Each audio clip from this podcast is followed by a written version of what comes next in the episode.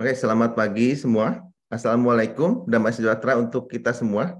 Eh, selamat pagi sahabat suluh keluarga. Pagi ini kita bertemu kembali dalam acara Kultur Parenting Pagi edisi Jumat 10 Februari 2023. Eh, tidak terasa ya, sudah memasuki minggu kedua nih, di bulan kedua juga tahun 2023. Perasaan saya sih kayaknya nggak ngelewatin, belum merayain ulang eh, tahun baru, tahu-tahu wah udah udah Februari aja nih gitu. Saya berharap uh, kakak-kakak semua sehat walafiat. Uh, sangat menarik bahwa tema pembahasan kita pagi ini adalah self leadership yang akan membahas mengenai memahami emosi diri dan pemicunya. Pemimpin yang baik pastinya harus dapat mengendalikan dirinya, mengendalikan emosinya. Dan untuk mendapatkan eh, untuk dapat mengendalikan dirinya, tentu setiap pemimpin harus memahami dirinya sendiri ya. Pembicara kita hari ini sangat spesial, yaitu Kak Philip Yusenda, yang merupakan pelatih yang berpengalaman untuk uh, mendidik dalam pendidikan nilai hidup dan juga komunikasi, ya tanpa kekerasan ya, dengan pengalaman lebih dari 10 tahun yang uh, dalam memberikan pelatihan di seluruh Indonesia. Jadi pembicara kita ini wah udah tingkatnya uh, nasional. Ya, jadi kita akan belajar dari ahlinya pada pagi hari ini. Jadi tanpa nunggu lagi silakan Kak Philip untuk memulai diskusi kita. Terima kasih Kak Dani. Ini anu promosinya agak berlebihan. Berapa kali ini saya dikritik ini sama beberapa teman. Uh, itu kok pakai Kak Philip kayak nggak mau tua aja. ya, uh, kita mulai dari yang beberapa yang dikatakan Kak Dani ya soal mengendalikan emosi tadi. Nah, kadang kalau dalam ini dalam saya mau membahasnya dalam budaya Jawa ya. Dalam budaya Jawa itu ada istilah uh, kalau diterjemahkan jadi belum jadi belum jadi manusia. Nah, itu biasanya merujuk ke orang-orang yang uh, belum bisa mengendalikan emosinya, belum bisa mengendalikan dirinya sendiri, belum bisa mengendalikan nafsunya. Walaupun memang ada versi ekstrimnya ya, versi ekstrimnya adalah orang yang tidak pernah memperlihatkan emosi segala macam, tapi juga intinya sebetulnya bukan tidak memperlihatkan, tapi lebih mengendalikan diri. Nah, bagaimana sebetulnya uh, me istilahnya memimpin diri sendiri sampai bisa mengendalikan diri ini. Nah, pagi ini kita akan mulai dari istilah kepemimpinan dulu sebetulnya. Uh, kepemimpinan tuh core-nya di mana sebetulnya?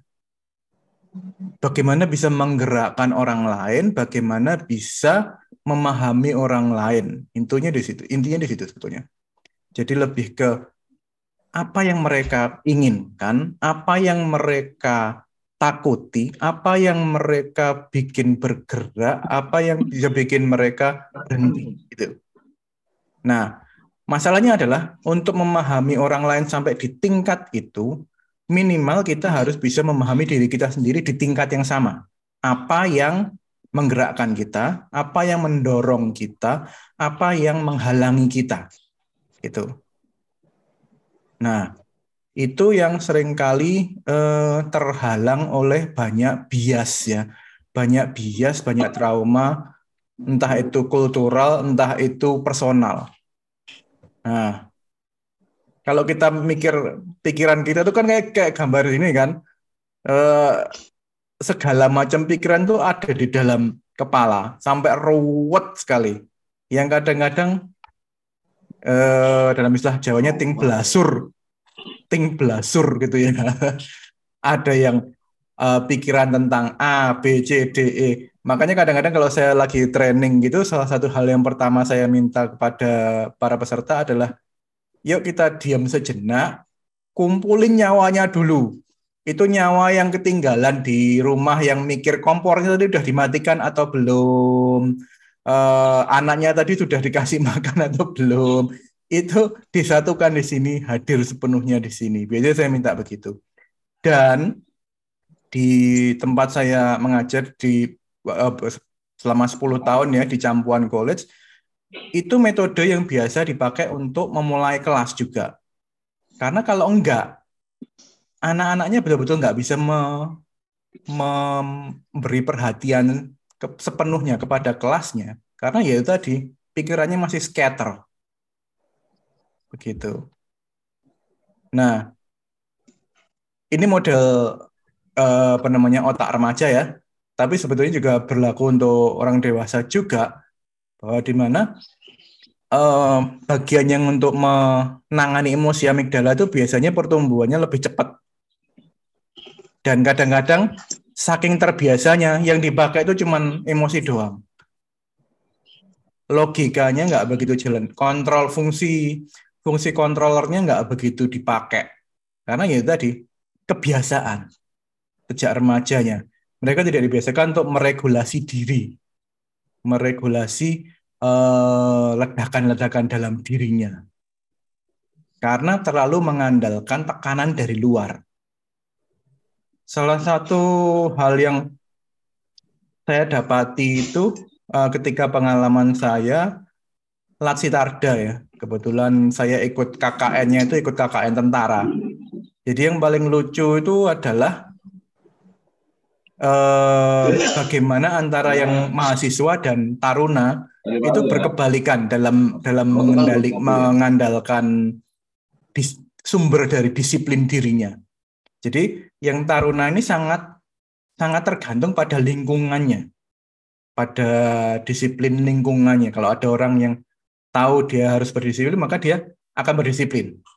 Tapi ketika nggak ada yang ngawasin, lepas gitu ya. Sementara di tingkat mahasiswa, di kalangan mahasiswa, karena mereka memang terbiasa tidak diawasi, kalau mereka yang disiplin dia tetap disiplin, yang nggak disiplin dia tetap tetap nggak disiplin gitu, ya. jadi tetap aja gitu loh. Nah itu, jadi gambarannya uh, waktu itu kami kan uh, sebulan di Rio tuh, uh, datang awal tuh tarunanya pada rapi, uh, rambut pendek segala macam mahasiswanya pada gondrong. Nah, akhir dari setelah sebulan tarunanya ikut-ikutan gondrong sebagian besar, sedikit sekali yang rambutnya pendek. Sementara mahasiswanya ya tetap gondrong aja atau malah malah tambah lebih rapi. Gitu. Simpelnya seperti itu. Ketika kita terlalu banyak mengandalkan tekanan dari luar untuk meregulasi diri, ketika tekanannya nggak ada, ya amblas regulasi dirinya. Tapi ketika kita bisa mengenal diri kita lebih baik, kalaupun tidak ada tekanan dari luar, itu tetap akan ada regulasinya. Nah, beberapa hal yang mempengaruhi masalah regulasi diri ini adalah yang saya sebut sebagai bias bawah sadar ya. Ada yang disebabkan oleh trauma, dan trauma ini bukan sesuatu yang uh, bukan sesuatu yang besar biasanya, kecil-kecil. Bagaimana dia diperlakukan sejak kecil?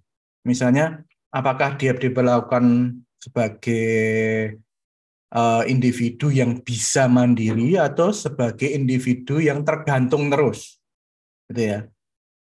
Simpelnya seperti orang tuanya biasa menyebut dia sebagai apa? Apakah dia selalu tiap hari disebut sebagai anak bodoh atau bagaimana?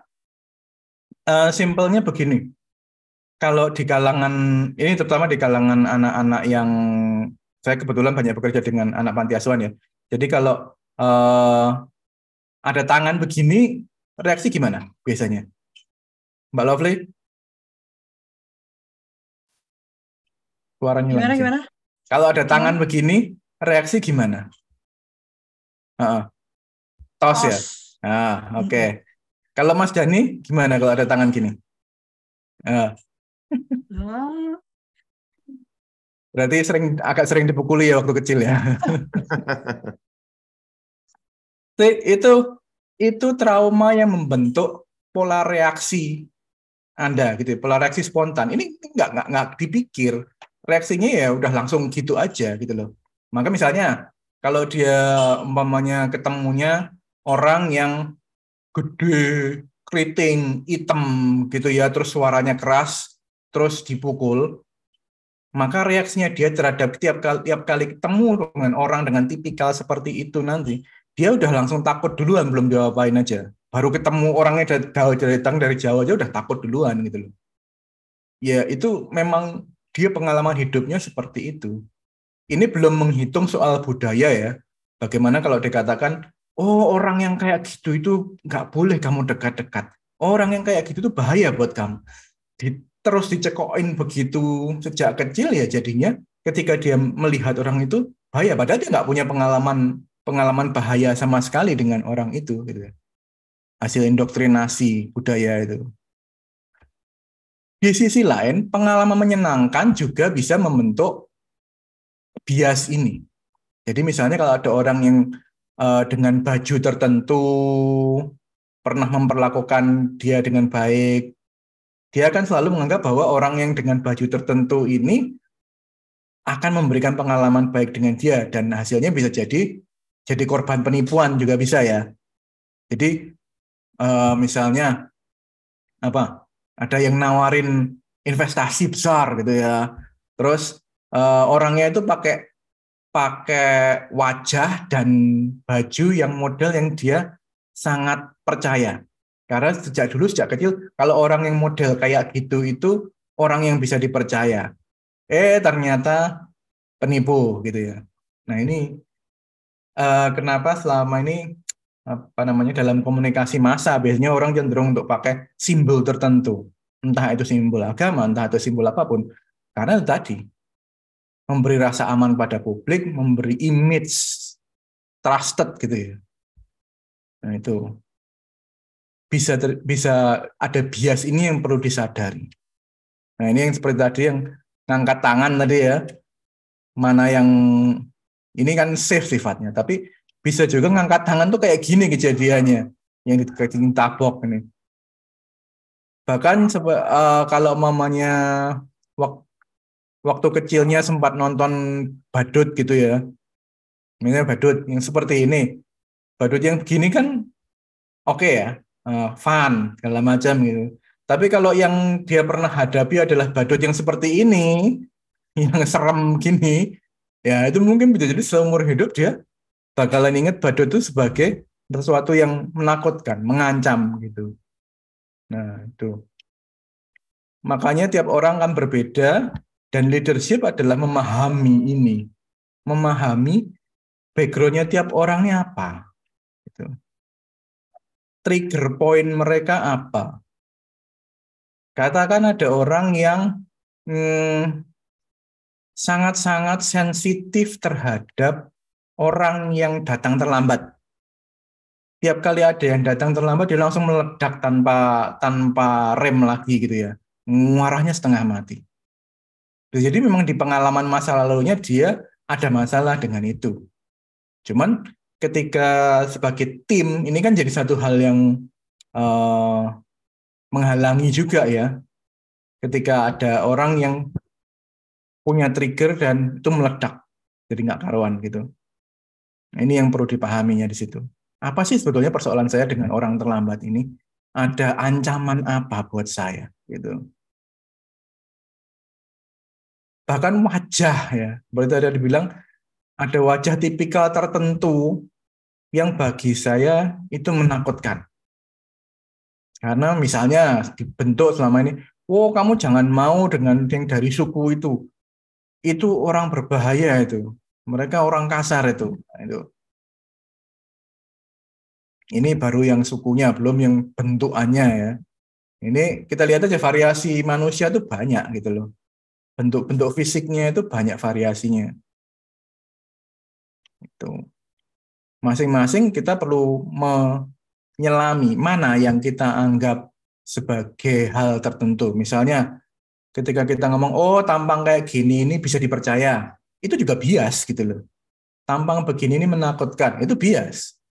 Bias itu bukan cuma negatif dok tapi juga ke positif. Padahal belum tentu.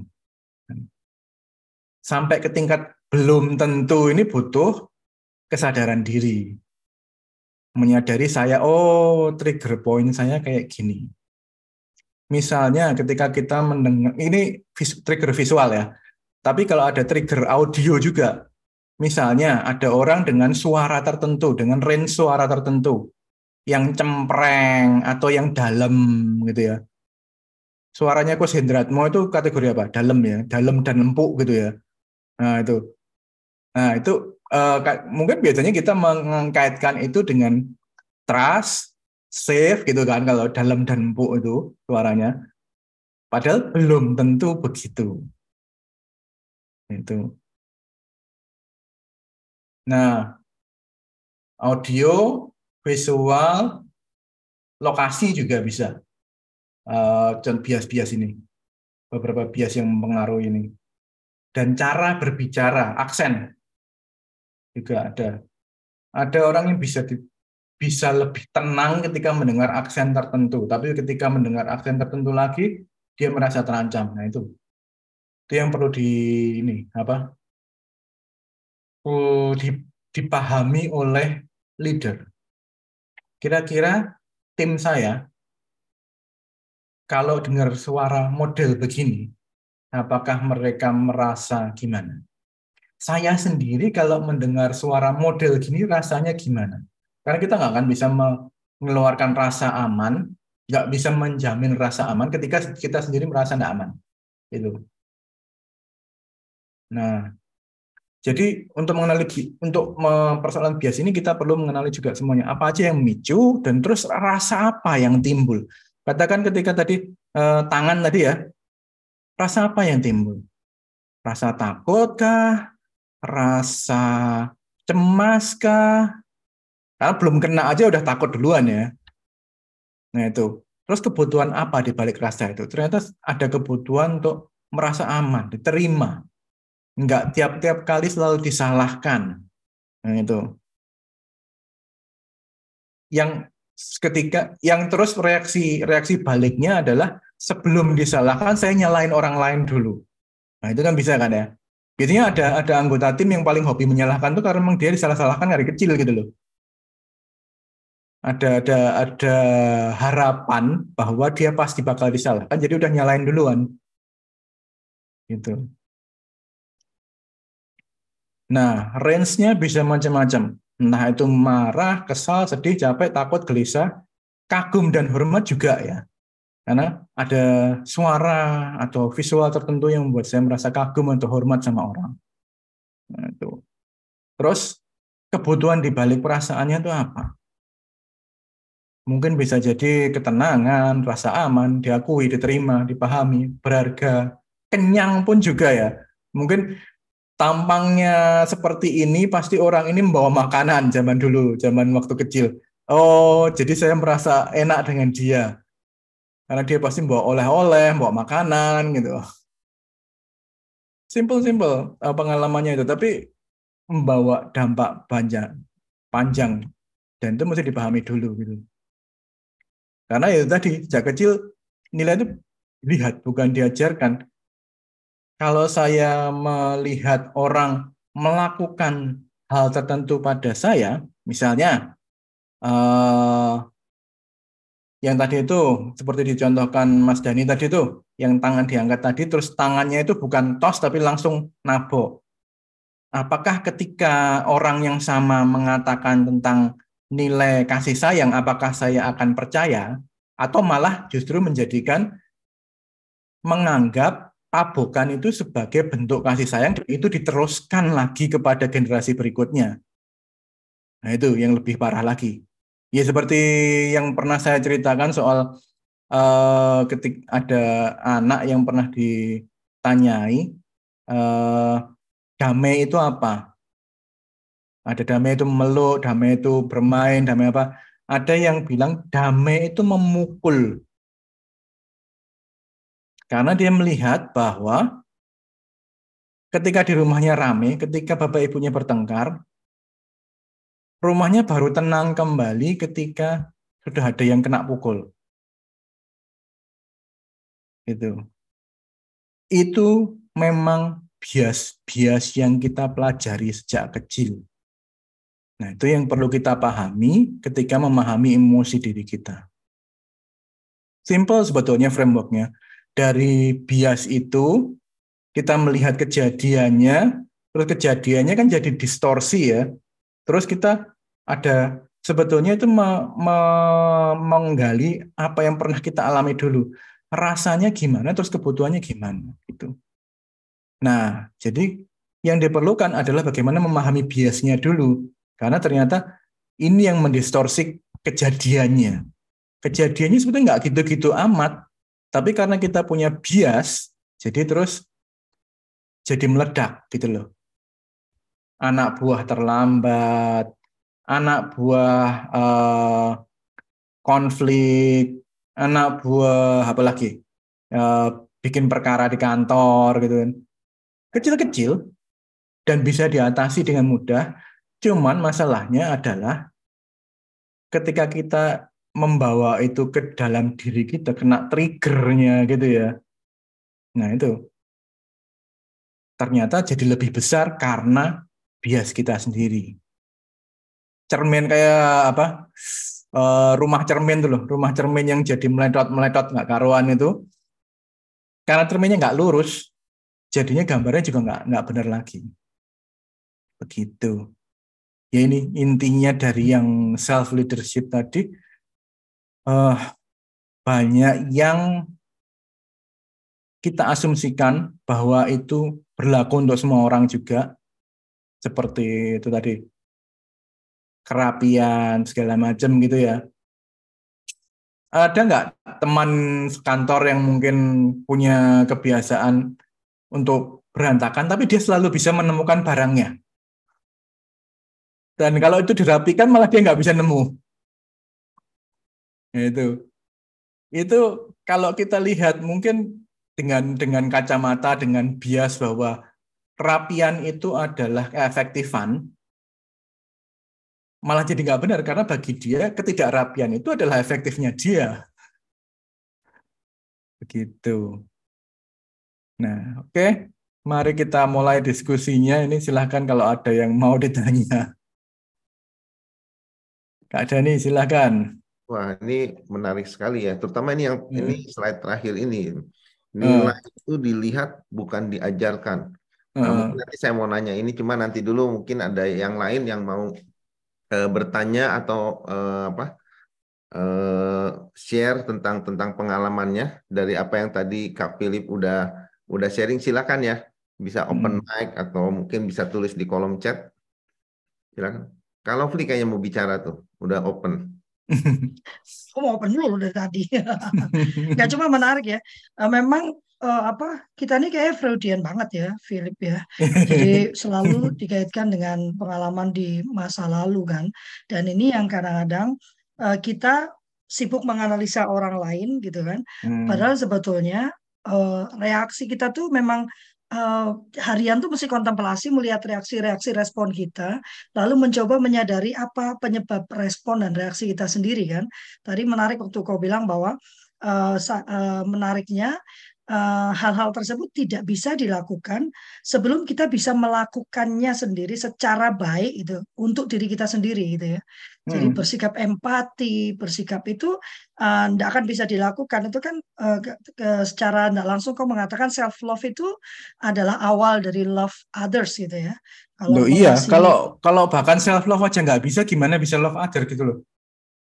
Tapi sayangnya budaya kita tuh kan uh, yang diajarkan pertama kali adalah serve others kan. Kita tidak diberi kesempatan oh, untuk yeah. untuk self love itu kan dianggapnya satu sesuatu yang egois itu, yang negatif. Hmm. Padahal kan makin ke sini terbukti bahwa tanpa itu ya kita tidak bisa mengasihi orang lain gitu kan. Hmm. Tanpa memahami kekurangan diri kita, ya kita sulit memahami kekurangan orang lain. Nah ini ada Kak Tommy nanya nih Kak Dani. Hmm. Oh sama nih aku takut badut. Aku takut uh, Iya.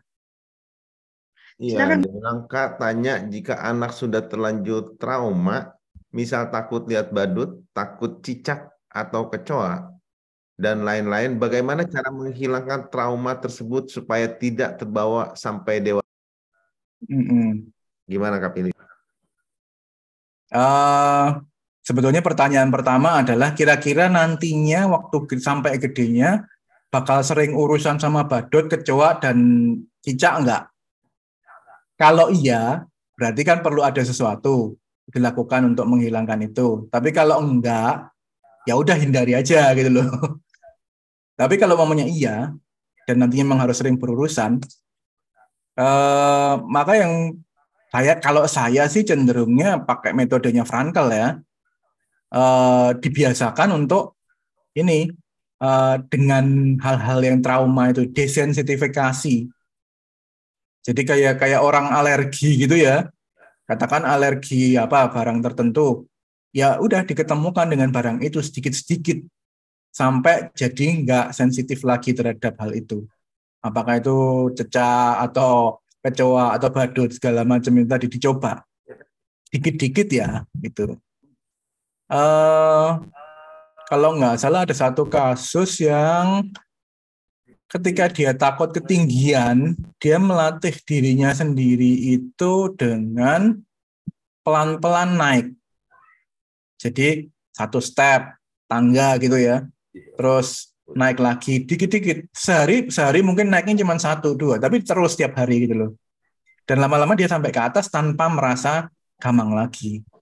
Itu cuman metode itu butuh niat yang tinggi energinya butuh banyak makanya kok makanya pertanyaan pertama saya tadi kan kira-kira nantinya bakal ketemu dan berurusan sama badut cicak dan kecoa tadi enggak gitu loh kalau iya, iya berarti memang perlu ada investasi energi yang tinggi ini tadi. Begitu. Begitu Kak Tommy. Iya, uh, makasih hmm. uh, Kak Philip. Uh, ada yang lain itu ada ada Kak Windu atau Windu. Oh, ya, okay. silakan Kak Windu. Uh -uh. Ya, perkenalkan saya Windu dari Bandung. Uh, dulu saya pernah nanganin kasus ini ya fobia kecoa. Kasusnya hmm. itu uh, unik menurut saya karena uh, ketika saya menyelesaikan kasus itu, uh, saya tidak pernah memberikan sugesti apa pun tentang kecoa gitu. Tapi yang saya lakukan adalah saya membuat saya meminta orang itu untuk melakukan forgiveness terhadap ibunya. Gitu. Jadi hmm kasus fobia kecoa yang dia alami itu uh, adalah bentuk kurangnya sentuhan ketika masa kecil gitu sehingga uh, dia tidak suka melihat atau merasakan ada sesuatu yang merambat di tubuhnya.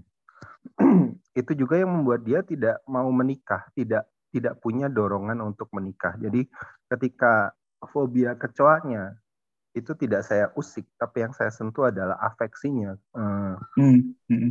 Karena dia ketika kecil uh, diabaikan terus ibunya tidak mampu me, me, me, apa, terhubung dengan anaknya nah itu tuh yang uh, saya minta dia untuk ngobrol lagi sama ibunya terus dia belajar hmm. untuk ibunya untuk uh, memeluk bapaknya terus ibunya memberikan respon yang sama gitu di bawah sadar dia uh, di sesi kedua itu dia udah ngangkat kecoa mati dari kamarnya gitu ya padahal di sesi sebelumnya dia sebelum sesi itu dia begitu ada kecoa atau mencium bau kecoa dia udah nggak mau masuk di ruangan itu jadi itu sesuatu yang sangat kompleks ya simbol-simbol kayak gitu jadi hmm. kita harus hmm. tahu dulu gitu apa hmm. jadi eh, apa yang terjadi di bawah sadar dia sehingga eh, muncul simbol atau muncul ketakutan itu gitu. Jadi tidak sesederhana itu gitu. Terus hmm. kita ngelihat ke belakang gitu.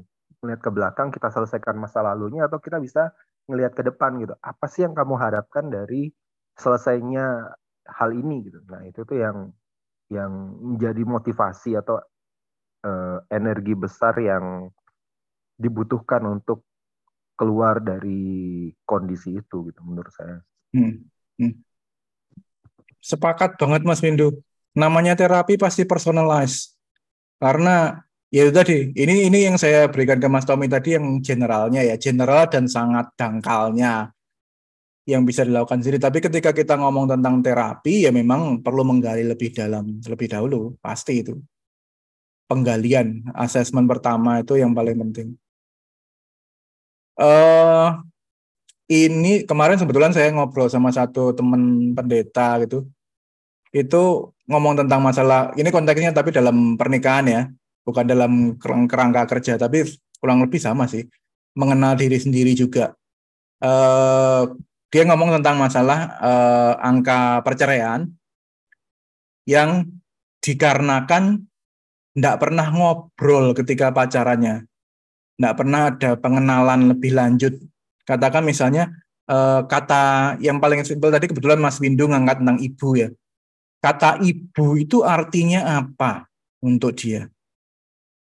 Nah, ada yang kasus yang kebetulan saya tahu persis itu eh, si cowok merasa kata ibu itu adalah kehangatan, ketentraman, rasa aman.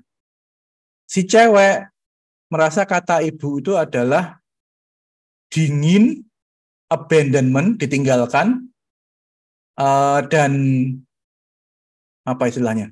Uh, dia bukan pakai kata pengkhianatan, tapi lebih ke uh, tidak bisa dipercaya, distrust, gitu. Nah, mereka nikah bertahan hanya tiga bulan, gitu. Karena nggak matching, gitu loh. Uh, apa namanya? nggak uh, pernah diomongin bahwa mereka punya background cerita begitu itu. Hal yang sama dari kalau dari leadership tadi, kalau kita bahkan tidak tahu bahwa kita punya asumsi di baliknya itu, misalnya kita uh, menangani klien, uh, ternyata anak buah kita kita kirim ke sana, tapi bahkan dia tidak bisa masuk, tidak bisa mendekat ke klien itu ternyata karena dia punya trauma dengan tipikal orang seperti klien itu. Nah, itu kan berat tuh. Ini yang yang di marketing masih tahu ya bagaimana uh, susahnya kalau bahkan melihat orangnya aja udah udah sepet duluan, lah dia harus melobi gimana gitu kan. Gitu. Oke, silahkan tadi. Kayaknya ada lagi ada ada di di apa di kolom chat ada yang tanya tapi menarik ya ternyata waduh hmm. manusia itu punya begitu banyak latar belakang, banyak hal yang ada di balik kepala dan semuanya itu gitu dan perlu hmm. dipelajari. Ya. Ini ada uh, Kak di kolom chat ada uh, Kak Sri Wahyuningsi dibilang Kak tanya hmm. anak saya usia 26 tahun sampai saat ini takut sekali dengan ayam hidup. Kalau makan ayam suka banget. Nah, bagaimana agar tidak takut lagi? Nah, itu tadi. Uh, ya sama ya ayam. Oke. Okay. Dan itu terus ada Kak Fatima juga bisa pegang ular, iguana dan apa itu berani. Tapi sama ayam dan bebek. Jadi hanya untuk unggas saja ya bulunya. Ini juga ada satu Kak hmm. Kak Yeni sekalian aja. Kak uh. sama-sama dibilang. Kalau saya fobia terhadap ulat Kak. Dulu masa oh. balita saya tinggal di desa yang masih memiliki banyak hutan pada musim tertentu banyak ulat di jalanan atau sekitar sekolah sampai saat ini masih jijik dan takut kalau melihat ulat. Sedangkan saya juga suka menanam bunga di rumah yang agak sering juga dikunjungi ulat. Jadi kalau ada orang repot yang kali. Waduh iya, suka tanaman tapi takut ulatnya. Uh, uh, uh. Itu sama seperti yang suka makan ayam tapi takut dengan ayam hidupnya ini ya. Agak complicated ini. Nah, ya benar seperti Kak Windu tadi mesti ditanya dulu pengalamannya kayak apa. Kalau yang Kak Yen ini kan jelas ya, ada fobianya di sini dalam hal ini berguna. Karena memang menghindarkan dia dari uh, rasa sakit ya. Jadi jelas, oh, oke, okay. ulat ini berbahaya, jangan dekat-dekat gitu. Nah, itu yang memang dia pelajari dari kecil gitu loh. Cuman bagaimana handling ulatnya supaya jadi nggak berbahaya itu yang perlu dilatih. Kalau yang ayam tadi saya terus terang cuman lumayan heran juga sih. Eh, apa, apa punya pengalaman di kabruk ayam atau gimana?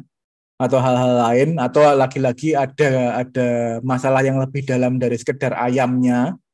Itu yang kita nggak tahu. Itu yang perlu dilihat dulu. Tapi yang paling paling simpel memang desensitifikasi tadi. Kalau memang itu persoalannya cuman di hal yang fobianya itu ya. Ayamnya atau ulatnya atau atau bebeknya. Tapi kalau ternyata di baliknya ada masalah yang lebih dalam dari itu ya urusannya lain lagi gitu. Begitu. Iya. Uh, mungkin ada yang lain itu terus oh iya ini ada hmm. Gimana Kak Dani? Ini ada satu. Ini jadi fokusnya ke fobia ya. Iya. Nah, iya banyak karena Banget. jadinya gitu. gambar posting. Oh. Oh, ada ini bahkan kalau apa eh, temennya posting ulat langsung di unfriend. Sampai segitunya.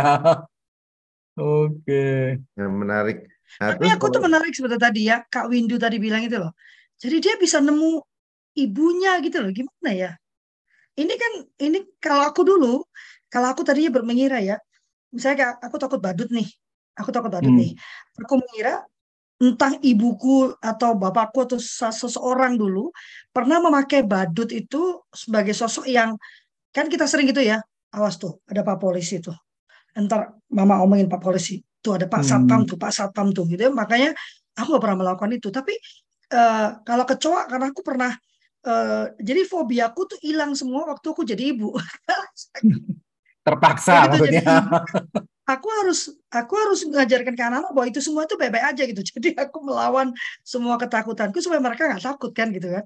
Cuma eh, menarik banget itu Kak Philip bagaimana Kak Windu itu eh, langkahnya dia bisa menarik jadi supaya teman-teman tuh bisa berpikir menarik dari eh, karena kalau kita tadi ayam oh iya pernah disosor gitu kan. Nah Kak Hmm. Windu kan bukan karena dia pernah dinaik kalau aku pernah dinaikin kecoa ya. Jadi aku se- sempat takut sama kecoa. Tapi Kak Windu kan bisa menemukan bahwa ini masalahnya ibunya yang Hmm. tidak dia yang tidak punya eh, kedekatan sama dia. Hmm. Itu gimana Kak? Itu menarik banget loh menurut aku. Itu mengubah saya- pandangan kepada anak-anak kita kan. saya? Kalau Eh, dia, Iya, saya sekarang usia udah 61 tahun, tetap aja itu yang namanya lihat cicak sampai hari ini gigi. Jadi eh, bukan fobia ya, apa trauma dulunya ketika saya mandi di kamar mandi ada cecak eh, di bak mandi, terus kena badan saya. Sampai sekarang itu hilang, eh, apa nggak nggak nggak hilang rasa ininya fobianya. Jadi sulit itu eh, fobia atau trauma itu menghilangkannya sebenarnya ya Hmm. apalagi yang dilakukan di sekolah oleh guru-guru itu trauma trauma ke anak itu sulit loh Pak. Jadi alangkah baiknya kita sebagai orang dewasa eh, jangan menyimpankan trauma, menitipkan trauma ke anak ya.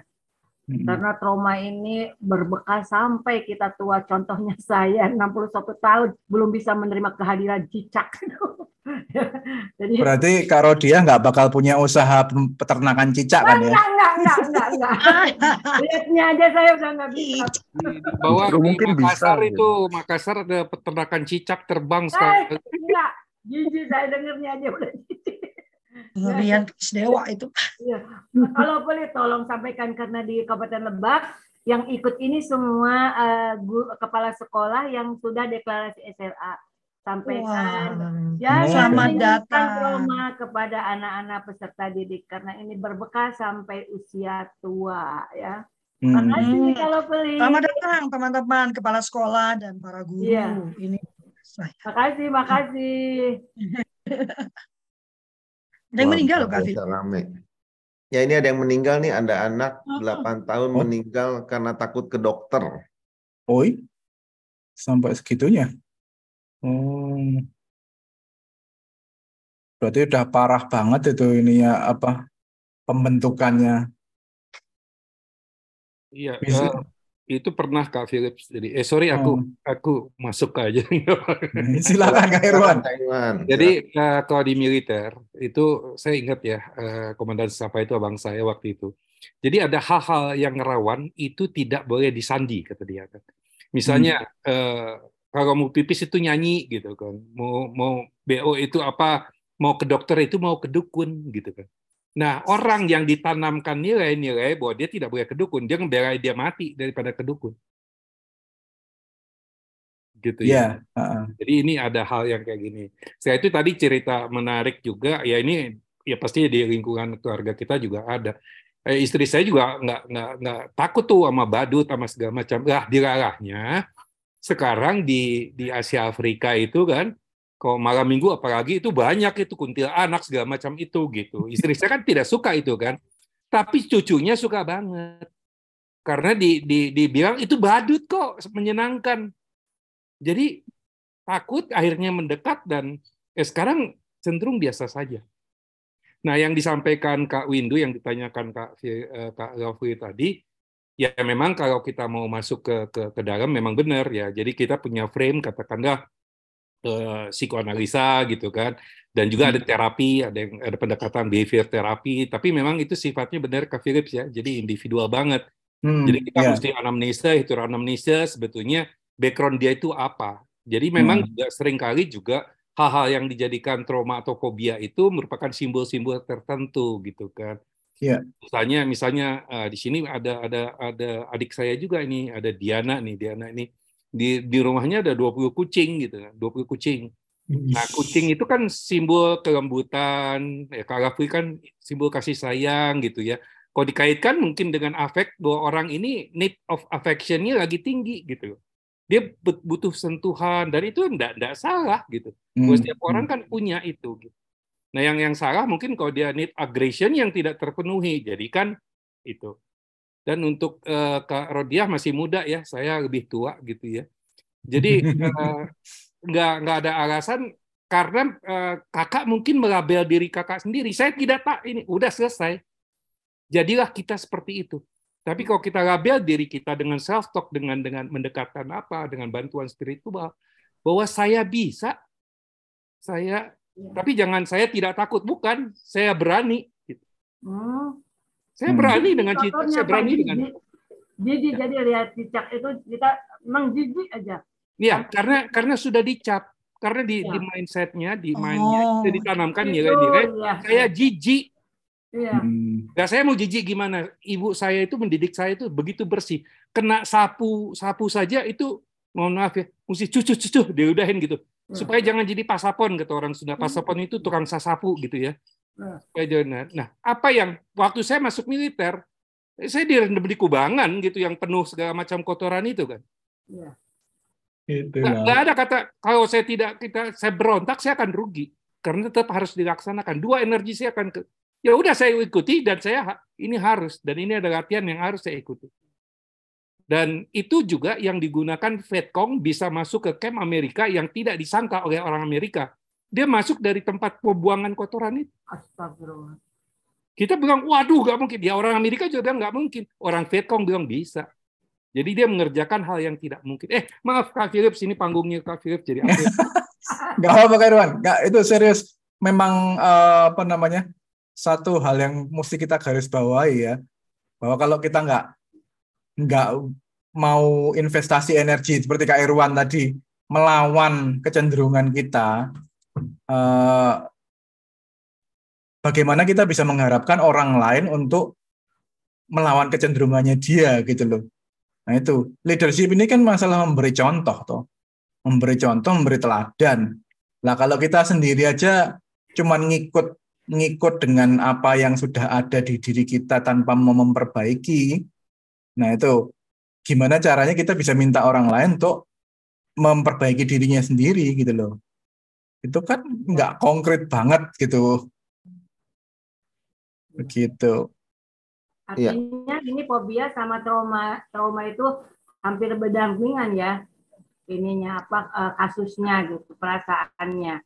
Kalau iya. trauma kan uh, akibat kekejaman, akibat kekerasan. Kalau fobia karena pribadi kita yang memang tidak suka gitu ya dengan dengan sesuatu gitu ya. Hmm, bisa jadi seperti itu. Ya. Tapi juga seperti diungkapkan Kak Windu tadi, bisa jadi ada masalah yang lebih dalam. Iya gitu. Nah, jadi, jadi intinya berarti kan uh, Kak Philips bahwa hmm. uh, dalam uh, kepemimpinan itu bahwa kita harus bisa mengendalikan diri ya termasuk untuk uh, mengatasi trauma-trauma tersebut ya. Iya.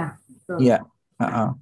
Jadi misalnya kita punya uh, ketidaksukaan yang dalam kepada misalnya tipikal orang tertentu, misalnya saya kalau mau gampang orang yang seperti Kak Lovely gitu ya udah ke dialeknya Surabayaan, terus orangnya bentuknya kayak gitu. Saya dulu punya pengalaman dengan orang yang kayak gitu itu berarti nggak bisa dipercaya. Lah ternyata harus bekerja sama dalam satu tim. Gimana itu kan? Nah, itu kan leadership itu kan mencoba meng, me, menggali. Oke, kamu kenapa selalu nggak mau bekerja sama sama dia? dia nggak bisa dipercaya pak loh emang dia pernah ngapain sama kamu Enggak, interaksi juga nggak pernah. Nah, berarti kan ada masalah yang lebih dalam dari itu gitu loh. Ternyata eh, apa namanya dia pernah misalnya ditipu oleh orang yang punya dialek Surabayaan gitu ya Kak Lovely ya. Itu.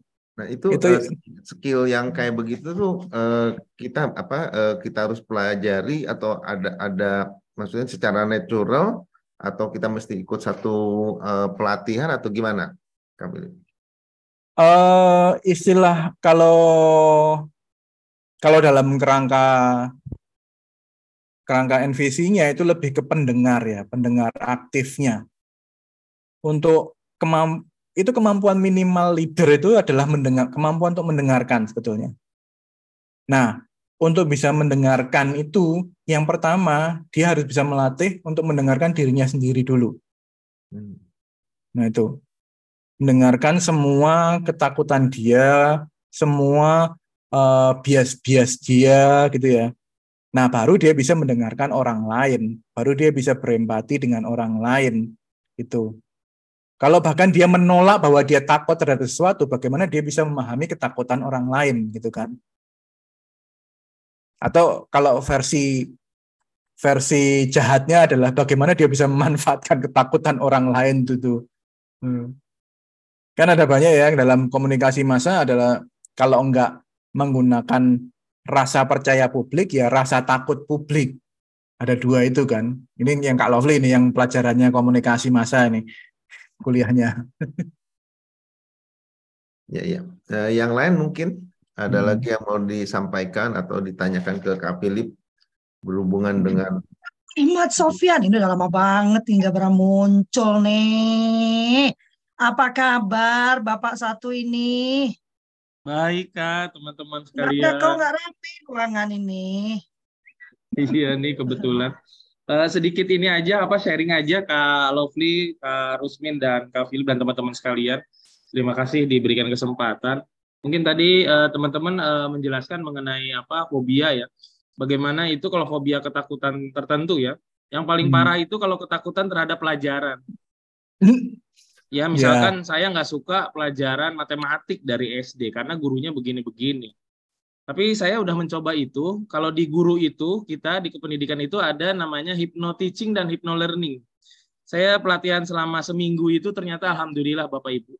Yang tadinya mungkin anak-anak yang nggak suka matematik, nggak suka biologi atau nggak suka pelajaran yang lain yang memomokan gitu kan, ternyata dengan uh, intensif uh, seperti itu, alhamdulillah. Ini bukan hipnotis gitu kan. Kalau hipnotis kan eh, apa dalam lima menit gitu kan kemudian akan hilang gitu kan tapi ini hypnoting dan uh, hypnoteaching dan hypno learning itu kita akan mengembangkan uh, pertama adalah tadi yang Kak Philip sudah sampaikan uh, di antara teman-teman gitu yang sudah sampaikan juga dari Kak Rusmin, Kak Lofi, Kak Irwan. Uh, mungkin yang perlu dibangun adalah di sini empati, terus kata-kata uh, sakti, ada minta maaf, tolong, dan terima kasih. That's it. Gitu kan kalau misalkan di pelajaran nih kagak ngerti misalkan pelajaran seni karena terpengaruh dengan gurunya begini-begini. Kita membangun itu dengan kata itu aja tiga sakti itu gitu kan. E, untuk mencobanya alhamdulillah gitu kan. E, dibangun apa rasa kepercayaan terhadap pelajaran. Dan alhamdulillah saya udah mencoba sampai e, tingkat SMA yang tadinya anak-anak waktu SD mungkin ya SD nggak suka matematik ke SMA gitu nggak suka matematik ternyata alhamdulillah dengan eh, eh, apa ya dengan ilmu baru mungkin bagi saya ini ternyata alhamdulillah mungkin eh, itu eh, saya sih melatar belakanginya dengan kata tiga sakti itu mungkin hmm. harus dibangun di apa di alam bawah sadar eh, anak-anak kita supaya lebih maju mungkin itu saja hmm. Pak Lokdi dan teman-teman sekalian Ya, Terima kasih Kak Sofian. Saya tidak sepakat dengan penggunaan kata hipno-hipno untuk terlalu banyak saya lebih suka membangun pola berpikir daripada diserang alam bawah sadarnya kecuali kasus-kasus trauma kalau beli, kalau beli materi bisa dijadikan materi tadi itu hipno apa Nah, itu Kak Rodia, mohon maaf, saya tidak bersepakat dengan hypno Iya. teaching, saya tidak bersepakat. Menurut saya, Oh, anak-anak perlu dibangun kesadarannya, oh, pemahamannya, memahami bahwa ini perlu buat mereka, bukan hipnotis. Jadi tidak akan ditemukan tapi eh, menguatkan aja agar anak tidak merasa takut belajar salah satu materi pelajaran Ya, umpamanya. Anda bisa Nah. Anda bisa lakukan itu dengan pemahaman tumbuh kembang anak, mental Iya. anak, psikologis anak, emosi anak, nggak perlu dihipnotis, Bu. pemusatan Nanti perhatian hipnotis. anak ya ah, intinya. nimbrung ah. Silakan Jadi, jadi saya sendiri sebetulnya belajar hipno ya, karena pengen tahu kan, pengen tahu. Tapi jujur eh, terus terang saya sendiri eh, eh, punya cara lain gitu ya, bukan bukan dengan hipno. Kenapa? Karena itu permainan bawah sadar kan sebetulnya kita menurunkan eh, eh, frekuensi ininya ya. Tadi kan memang kan bicara ini kan Kak Philip juga kan terangkan ini memang bawah sadar dengan hipno itu sebetulnya kita berupaya masuk ke sana. Nah pertanyaan saya ya kita hidup di dunia ini kan ada ada hal yang gaib-gaib juga ya. Ya, saya khawatir bisikan saya masuk, terus bisikan mereka juga masuk gitu. Pada saat bisikan yang positif itu masuk, mungkin diterimanya positif. Tapi diarahnya pada satu mungkin saya sedang tidak signifikan, saya sedang tidak kuat, bisikan yang yang tidak baik itu yang masuk. Makanya kan kita harus mempelajari itu memang depth ya, eh, holistik ya. Kita waktu itu belajar eh, apa namanya yang apa yang dari Banten itu yang yang ditusuk nggak mati lah, yang dibakar Debus. lah, segala macam ya. Debus, debus. Nah, debus Debus. macam Debus. itu dan itu dibahas oleh profesor saya itu dibahas bagaimana itu bisa terjadi gitu ya. Nah kan eh, kayak tadi ya, eh, jadi ilmu disiplin ilmu itu memang eh, begitu luasnya dan kita lebih baik melihatnya secara multidisiplin. Ya terakhir eh, eh, lihat but not least-nya ada spiritual gitu nilai itu jangan sampai dilupakan gitu. Ada kekuatan-kekuatan yang lain. Nah itu sih bahwa itu efektif mungkin gitu ya. Oke itu aja komen saya. Makasih. Makasih Kang Irwan. Gimana eh, Kak Philips? Iya, eh, saya ikut alirannya Kak Lovely. Eh, lebih ke bukan menuju ke bawah sadar, tapi menciptakan pengalaman baru. Jadi kalau dia punya pengalaman jelek, katakan ya, pengalaman jelek dengan katakan bahasa Inggris misalnya, karena dulunya waktu habis dapat guru yang bagus, terus langsung jelek dapat guru yang jelek dan yang diingat adalah guru yang jelek. Nah, gimana kita menciptakan pengalaman baru lagi di ketika belajar bahasa Inggris itu adalah hal yang menyenangkan. Dan ini memang dipakai di tem- tempat saya pernah mengajar ya di Jampuan College itu yang memang pakai living values adalah menciptakan pengalaman baru. Berbicara bahasa Inggris itu asik. Ngomong sama orang asing itu asik. Eh, apa namanya? bahasa Inggris itu mudah kok, tabrak aja dulu. Nah, itu loh. Yang eh, apa namanya? Jadi betul-betul ada pengalaman realnya, bukan sekedar eh, suntikan bawah sadar, tapi pengalaman fisikal. Jadi mencoba untuk tidak mengingat bahwa saya di Campuan College itu adalah eh, beasiswa ya. Jadi anak-anak yang datang itu adalah anak-anak dari rata-rata keluarga miskin yang punya persoalan di rumahnya rada banyak. Jadi bukan keluarga stabil ya. Eh, Apa namanya banyak yang memang orphan atau memang dari keluarga miskin yang tiga generasi gitu. Jadi, jadi kalau kami terlalu banyak mengutak-ngatik bawah sadar, bisa jadi terima bongkar nggak terima pasang nanti jadinya kejadiannya. Eh, Apa namanya? Karena ada banyak yang perlu dibongkar di situ maka lebih maka dibutuhkan memang waktu itu untuk uh, membentuknya lebih baik kita ciptakan pengalaman baru itu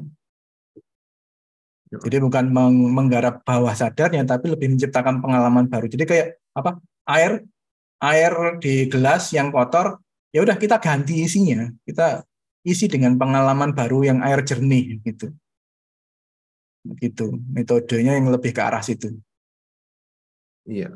Eh, menarik sekali. lebih lama tapi lebih permanen ya Kak. Iya, lebih lama tapi lebih permanen.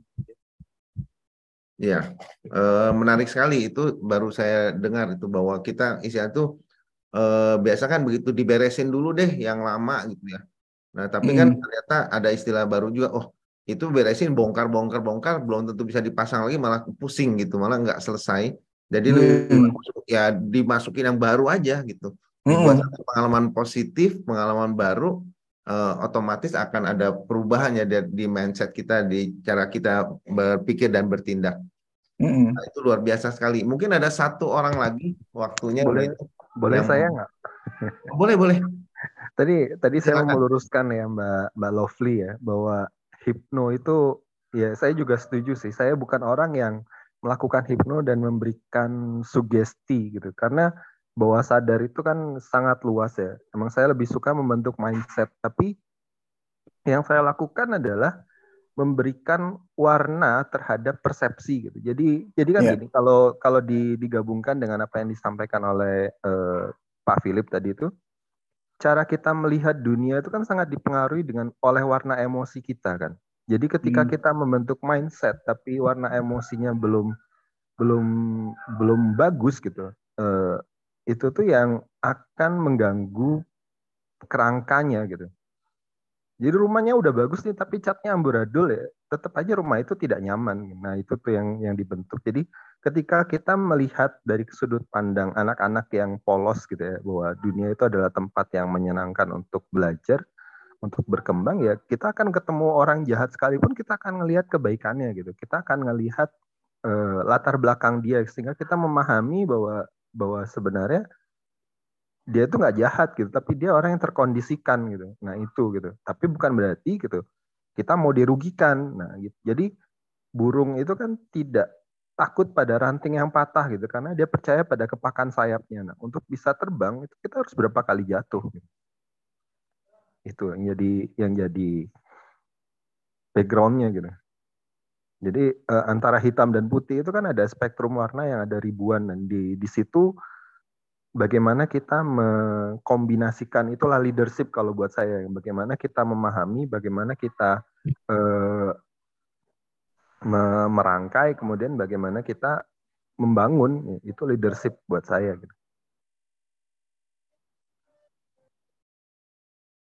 Ya, Eh, menarik. Nah, mungkin sebelum apa eh, Kak Pilis eh, buat eh, closing statement, mungkin kita bisa berfoto dulu. Kita bisa eh, menampilkan wajah cantik dan gantengnya kita, ya sambil berikan hati. Eh, silakan Kak Deli untuk eh, mengambil foto dan silakan Kak Philip untuk closing statementnya. Oke, eh, ya mengutip Mas Windu ya, kita hanya bisa melihat, mengajak orang melihat warna-warna yang berbeda kalau kita sendiri sudah melihat warnanya, gitu ya. Ya, itu tadi.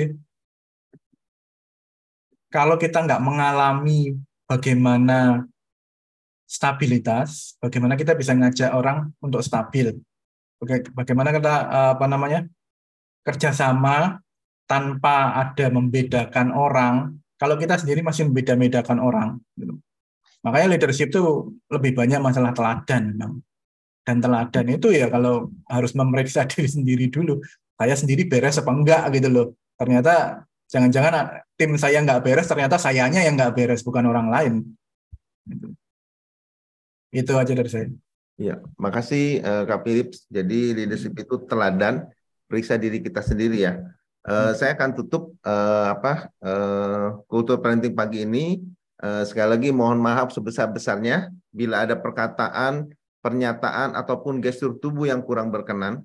Kami tidak ingin menyakiti, tidak juga ingin menghina atau tidak ingin merendahkan juga menggurui. Kami hanya ingin membagikan apa yang menjadi keyakinan kami dan apa yang kami lakukan dalam kehidupan sehari-hari. Sekali lagi terima kasih untuk semua yang hadir, kakak-kakak semua. Nah, terus karena nih Asal- boleh saya Ini. satu kalimat aja ya. Boleh, boleh, silakan. Eh, mohon ingat ya eh, kakak-kakak semua ya, benang merah yang selalu ada di dalam suluh keluarga dan kultur parenting pagi adalah empat prinsip perlindungan anak. Empat prinsip perlindungan anak. Yang pertama eh, anti diskriminasi, non diskriminasi, ya. Yang kedua hak tumbuh dan hak tumbuh kembang, ya. Yang ketiga kepentingan terbaik bagi anak. Yang keempat, hak untuk didengar, berpendapat dan didengarkan pendapatnya. Nah, ini harus selalu diterapkan. Mau sesulit apa pun permasalahan yang dihadapi karena anak ini mengalami kekerasan, buat saya itu kekerasan ya. Kalau orang tua itu mengabaikan, tidak memberikan uh, apa ke, asupan emosional yang cukup, itu sudah kekerasan.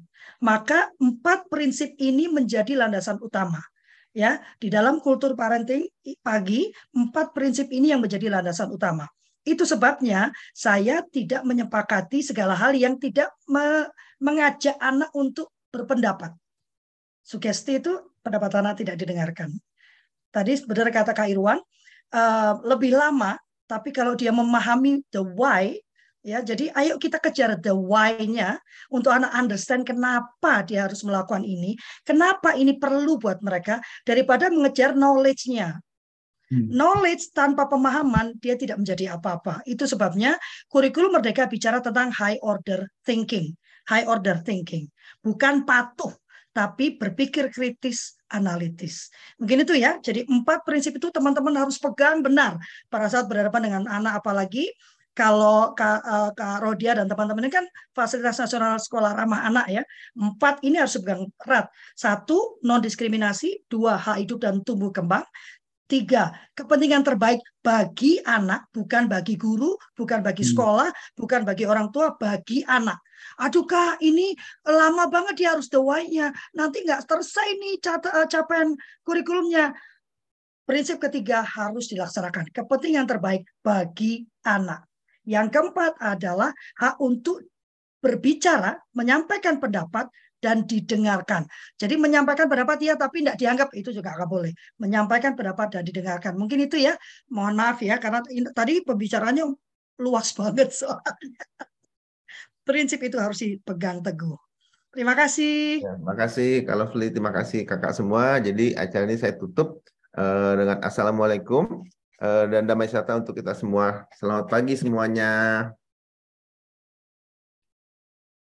Keren, keren, keren. Yang keren Kang Irwan lah. Ya, ojo ngono.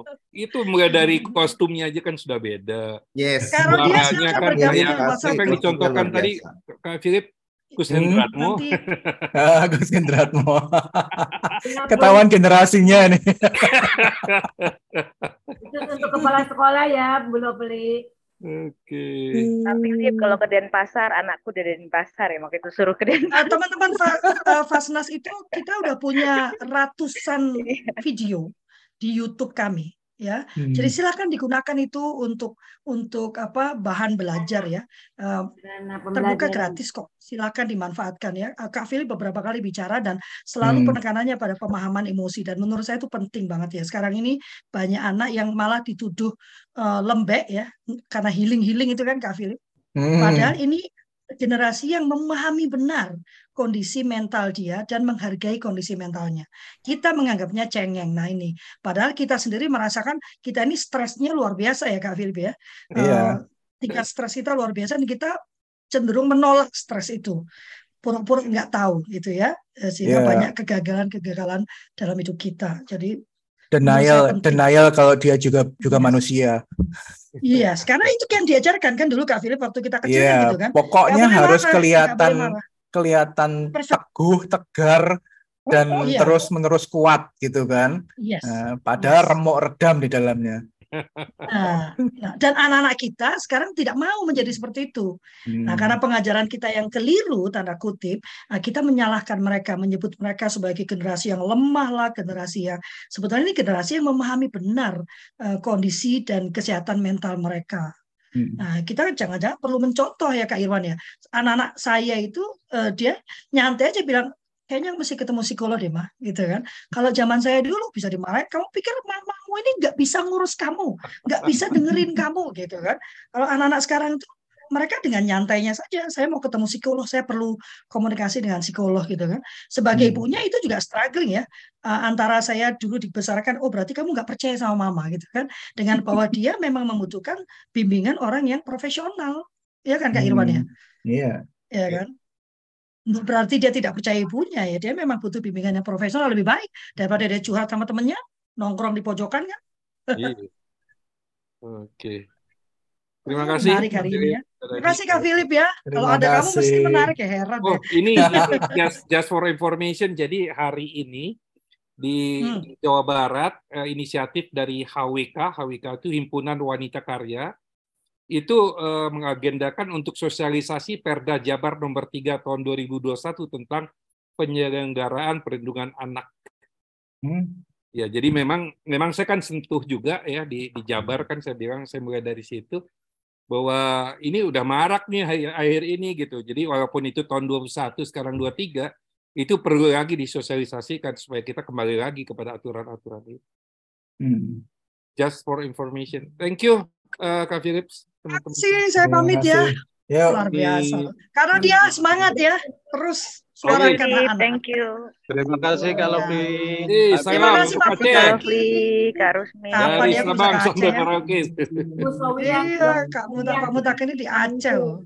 Bu Sofia di Lampung. Aku ke Lampung aja belum. Sofia, pakar pendidikan. Aceh. Iya, buat anak-anak kita ya semuanya.